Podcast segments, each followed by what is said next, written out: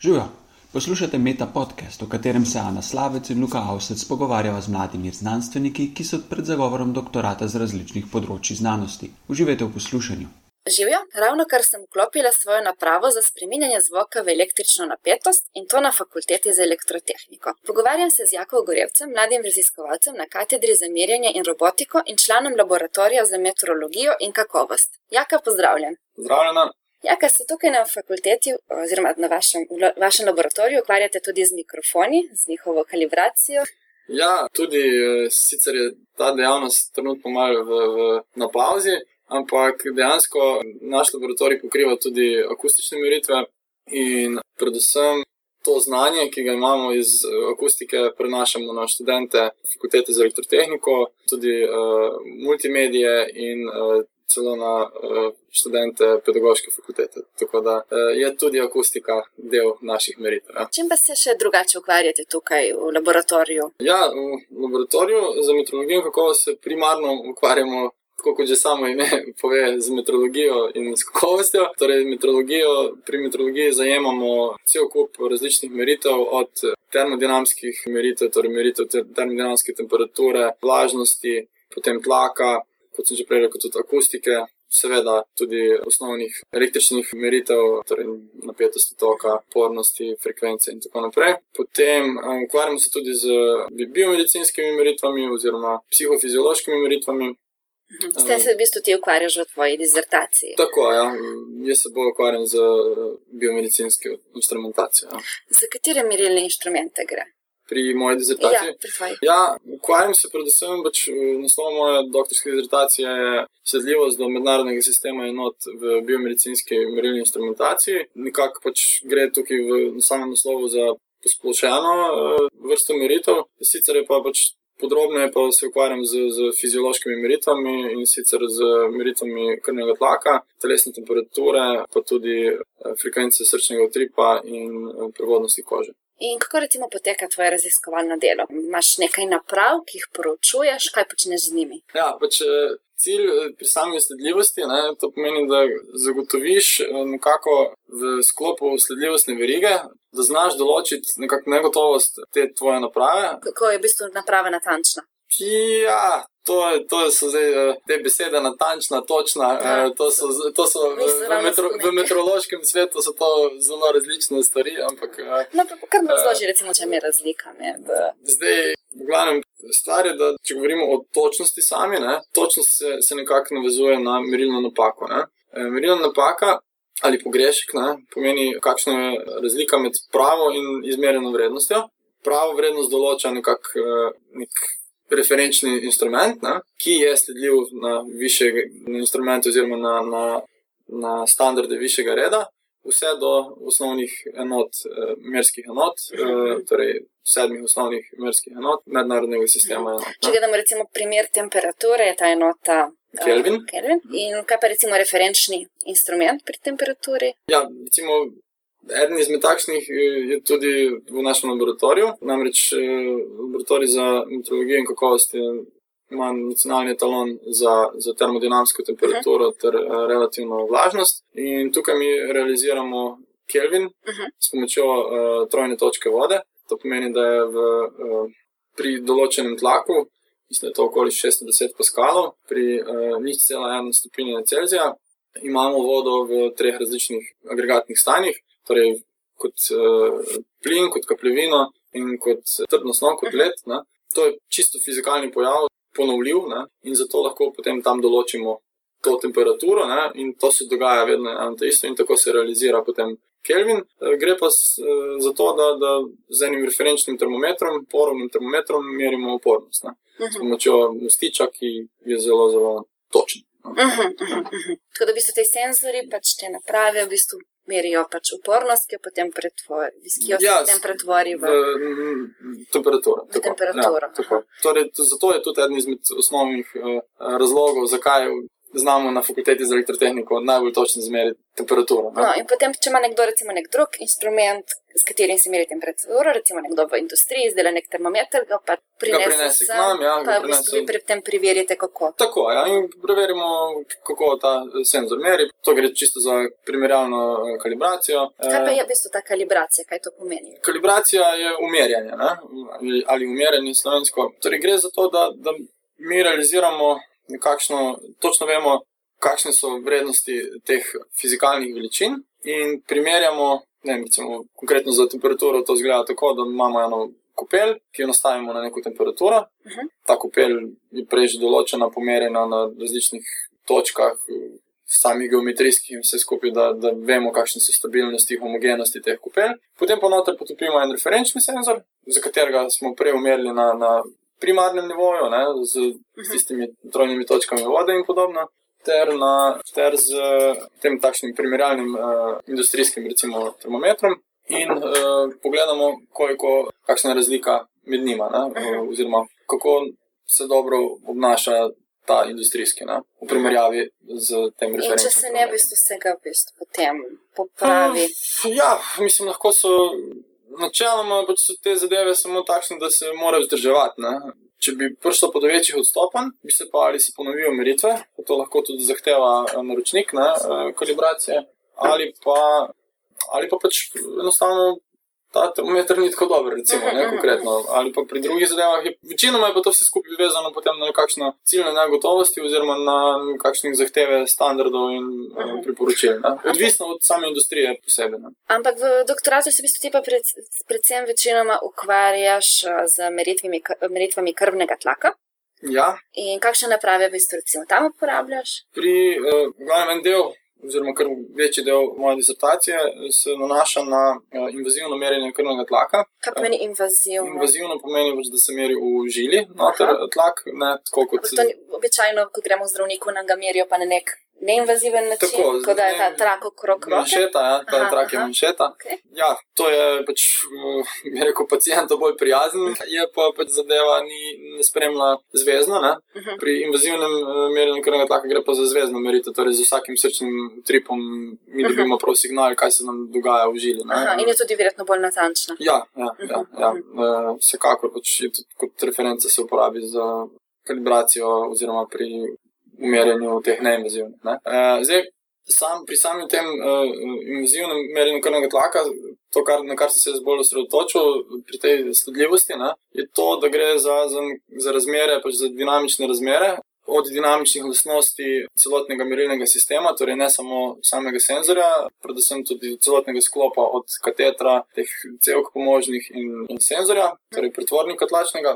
To je ena stvar, in potem vpliv, kako bi rekel, samega merilnega naprave, merilnega sistema na merilni rezultat. Ne, Mhm. ne gre samo za tisti dve vrednosti, zgornji in spodnji krvni tlak, ne, sistolični in diastolični, ampak gre predvsem tudi za obliko ne, samih uh, signalov. Namreč s tem si zdravniki pomagajo. Ne. Ponovadi so te eh, meritve del eh, monitoringa pacijentov, eh, uporabljajo se večino na, na intenzivnih klinikah, pri kakšnih bolj resnih, eh, resnih negi. tako ja, pri resnih zadevah ali pa pri kakšnih zahtevnih bolj operacijah, kjer je pomembno, da zvezdno spremljamo pač stanje eh, tlaka pacijenta. Ne. Eh, No, in pač jaz sem se ukvarjal s temi uh, meritvami.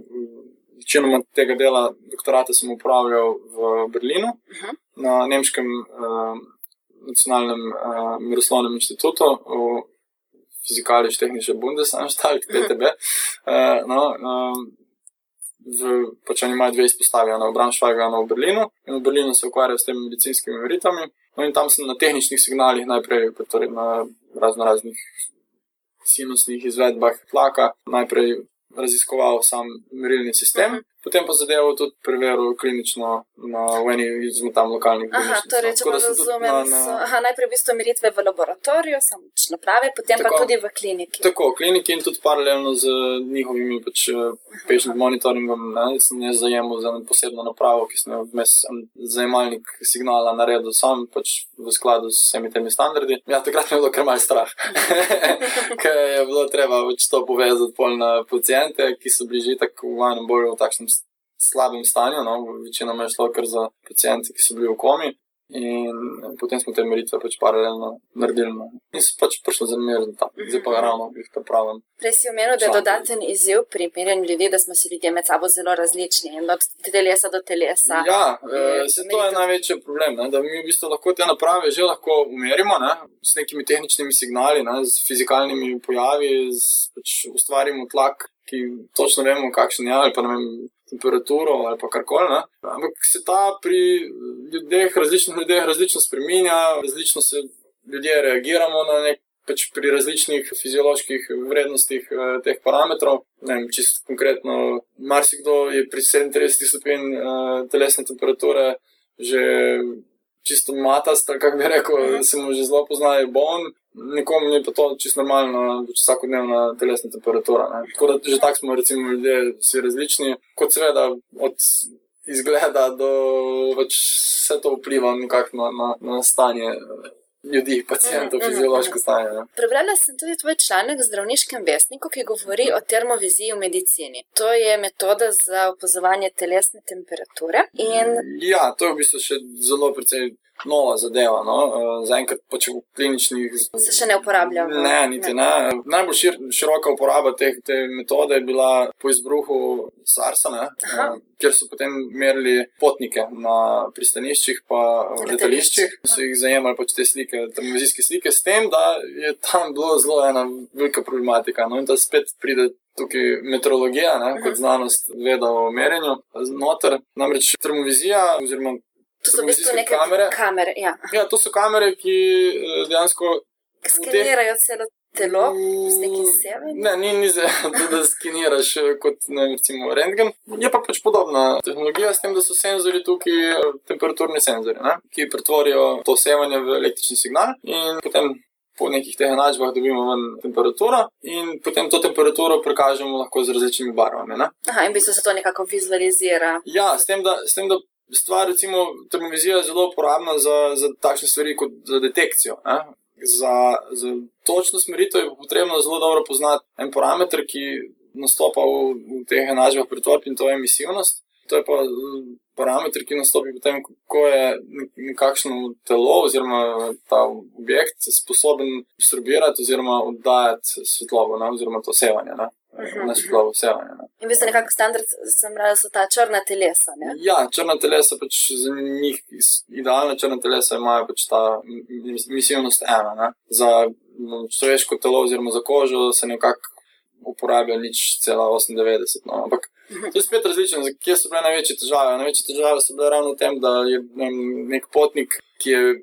Imel mogoče vročino in je zaradi tega potem malo tudi se preznojil, in potem ta pot ustvaril napako merilno, uh, ker pač več ni potem koža, ampak je tudi ena druga snov, ne?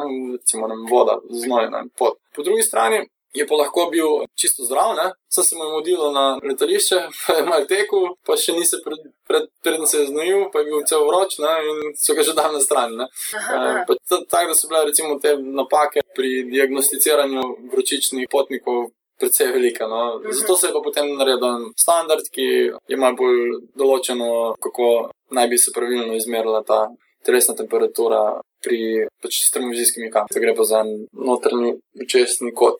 Reče, to, to naj bi se merilo, to naj bi bila nekakšna Mislim, zakaj prav tako? Zato, ker najmanj na njo vpliva, eh, v njem se najbolj izraža, odraža pač telesna temperatura. Ne? Najmanj na njo vplivajo vsi različni drugi dejavniki. Ja, in tudi nekako je dosti temno tukaj, ne? tudi zaradi teh emisivnosti in vsega tega. To je v bistvu neka referenčna točka. Točka, kjer naj bi se meril. Pač to je v tem priporočilu. Ampak je to metoda, v bistvu, ki naj bi zmerila temperaturo celo telo, oziroma celo ja, površino. Ja, sem... ampak, ampak ni tako natančno. Mislim, s tem si veliko ne moreš pomagati.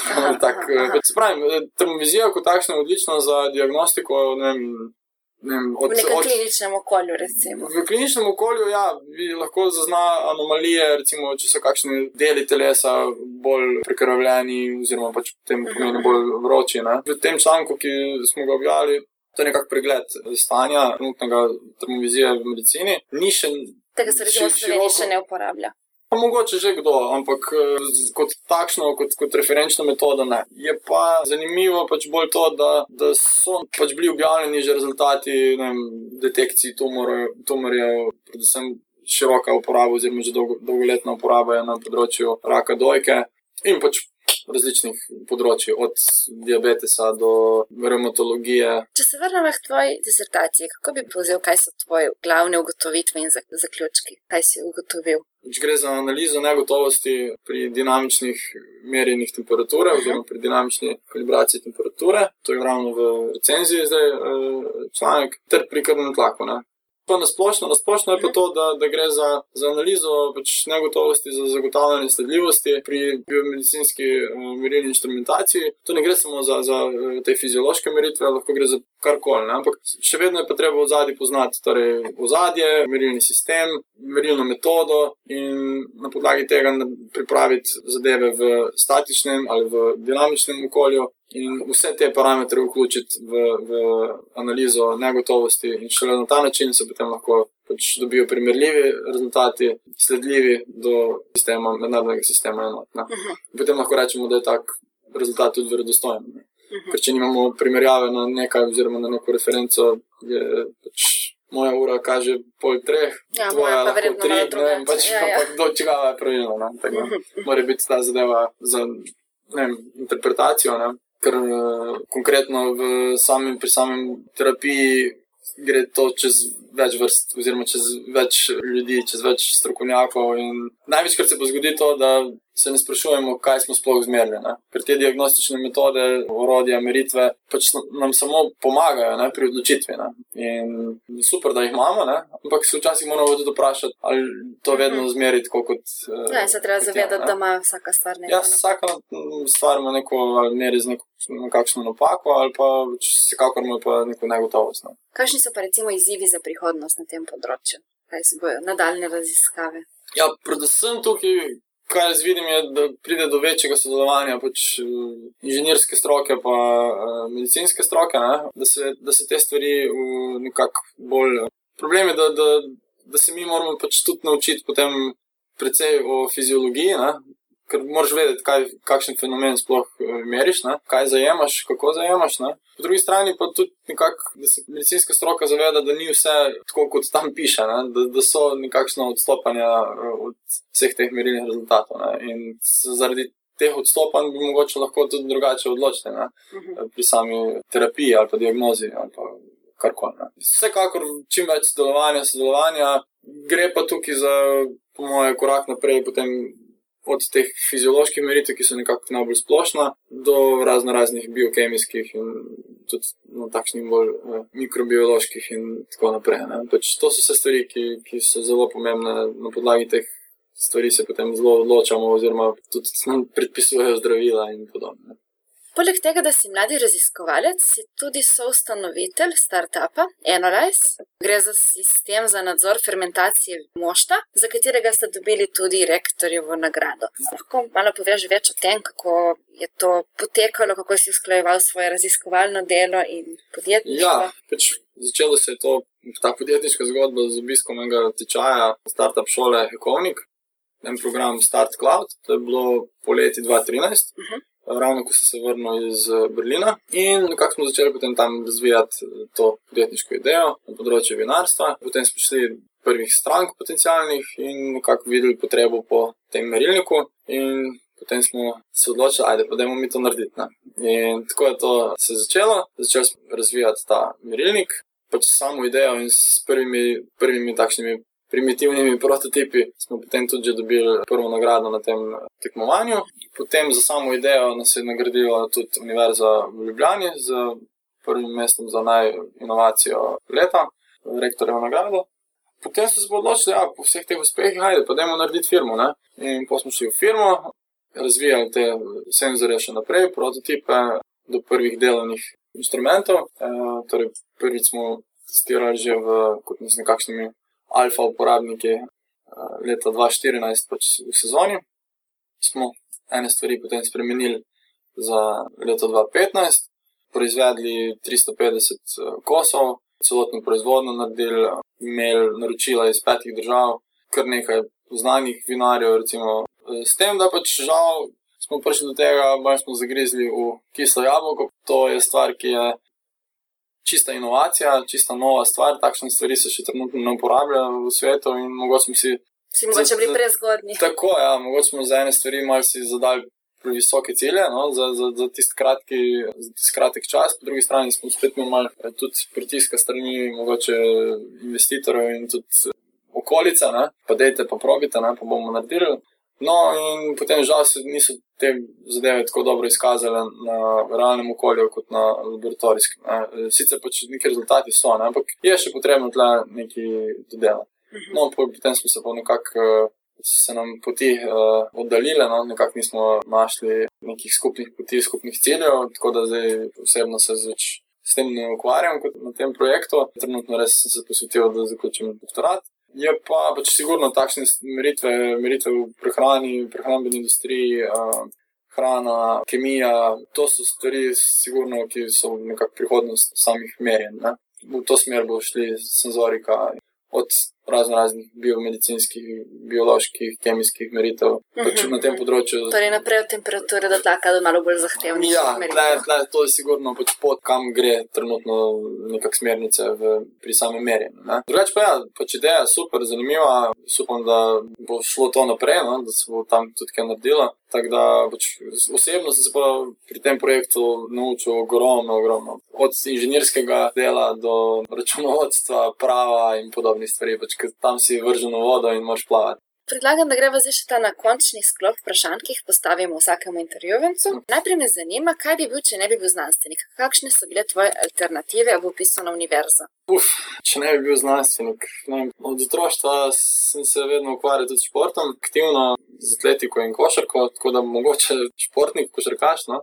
Če ne, zelo mi je pač tudi pri srcu glasba malo za hobi igram bobne, ali pa kak popotnik, no, bi šel kje pomagati, kakšne misije v Afriko, ali pa kakšne, kakšne živali reševati, ali pa kaj takega. Mogoče na kakšno kliniko v Afriko testirati, kako dobro merijo. ja, ne, prej bi šel tam kje pomagati, bolj tako, ker sama meritev, mislim, da imajo oni večje težave kot s samimi instrumenti, pač sploh z, z dobavo instrumentov imajo oni prej težave ali pa s kakšnimi zdravili in to. Ne. Pač za samo univerzo alternative, ne vem, nekako vedno mi je bila pri srcu pač naravoslovje, tudi že prej v osnovni srednji šoli. Tako da, sigurno bi kaj iz tega, tudi matematika mi je šla vedno, tako da je tako kaj iz tega. Ampak eh, pri samem opisu sem imel kot za, za alternativne možnosti. Kemijsko inženirstvo, pa gradbeništvo, mislim, da sem imel. Koga od nam znanih ali neznanih osebnosti bi povabil na večerjo, če ne bi bilo nobenih omejitev? Uf,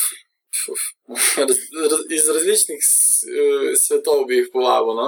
no Verjetno, kak, s kakšnim Nikolo Teslo bi bilo zanimivo se pogovarjati, ker je poleg vseh teh znanstvenih dosežkov, če me tudi zanimivo pogleda na svet. Tem s kakšnim Kitom Richardsom spit kozarc piva bi bilo tudi zanimivo, ker je tudi po moje imel sto zgodb v, v svojem življenju. Mislim, ta šport pa nekako verjetno z Michaelom Jordanom, no. če je taka. Košarka. Ja. Če bi imel milijon evrov za poljubno raziskavo, kaj bi raziskoval? Puf, ja, milijon evrov se še niti ni tako velik. si bi jih dalo hitro porabiti.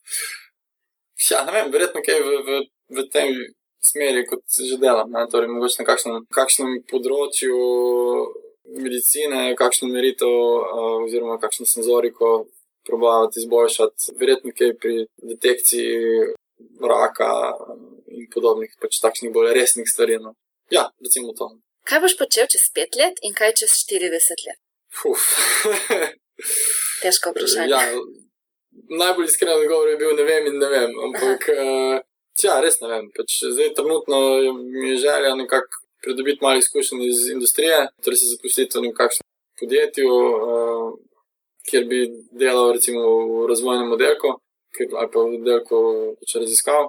Me pa nek, ta, sigurno, pač podjetniška zgodba, mi sigurno še malo vleče, tako da verjetno bom tudi, da ni to zadnje podjetje, ki sem ga so ustanovil. No, da, ne vem, zdaj pa če bo to čez 5 ali pa 40 let, to pa ne znam povedati. No. Imáš kakšno priporočilo za kakšno eh, knjigo, igro, film, spletno stran, podcast? Stvar, ki sem jo bolj poslušal, so bile audio knjige. Zdaj lahko priporočim dve. Uh, ena je bolj iz sveta inovacij, uh, Innovators, druga pa je pa bolj podjetniška, je pa The Hard Think About Hard Things. Pa, pa druga, recimo, zelo zanimivo, no, uh, zdaj, da se ne ustrašiš prehitro. A s čim se zamotiš in kakšne izgovore si izmišljuješ, ko zavlačuješ ali odlašaš pri stvarih, ki jih moraš narediti za doktorat? Razen podjetništva. Ja, eh, izgovori hitro najdete. Vse, vse, vse je, uh, ne, ampak drugače. Uh, ne vem, pa če se rad veliko stvari počnem, no to je res. Ampak ja, recimo, da, da je bilo podjetništvo mi uh, tisti uh, glavni izgovor, zakaj, zakaj ni doktorat že narejen. No. Kaj bi ti lahko v tem trenutku izboljšalo kakovost življenja? Eno takšno potovanje, ki ne bi razmišljal o ničemer preveč, tako to verjetno. Okrog sveta. ja, ne, malo mal miru. Ja. Dobro, eh, Jaka, najlepša hvala za pogovor. Ja, hvala za povabilo. Pred odjavno špico pa še novica. Društvo mladih raziskovalcev Slovenije v sredo 25. maja vabi na pivo, pogovorni večer doktorskih študentov in mladih v znanosti. Dobimo se ob 18.30 v kavarni tiskarna za Bežigradom. Gostje pa bodo Katarina Krapeš z fakultete za management v Kopru, Kristjan Kreber z fakultete za strojništvo v Univerzi v Ljubljani in Vid Puš z fakultete za kemijo in kemijsko tehnologijo ravno tako Univerzo v Ljubljani. Se vidimo! Poslušali ste Meta podcast, ki ga pripravljava Ana Slavec in Luka Avsec. Pogovarjava se z doktorskimi študenti in študentkami pred zaključkom doktorata z različnih področji znanosti. Meta podcast domuje na spletišču metina.si, v drugi sezoni pa sodelujemo tudi z Društvom mladih raziskovalcev Slovenije. Pohvale, pripombe, pa tudi predloge za bodoče goste nam lahko posredujete na znanost afnametina.si, lahko nas poiščete na Facebook profilu Metine liste ali pa na Twitterju, kjer čivkava kot at aslavec in at inlife. Naslednja epizoda v četrtek čez 14 dni.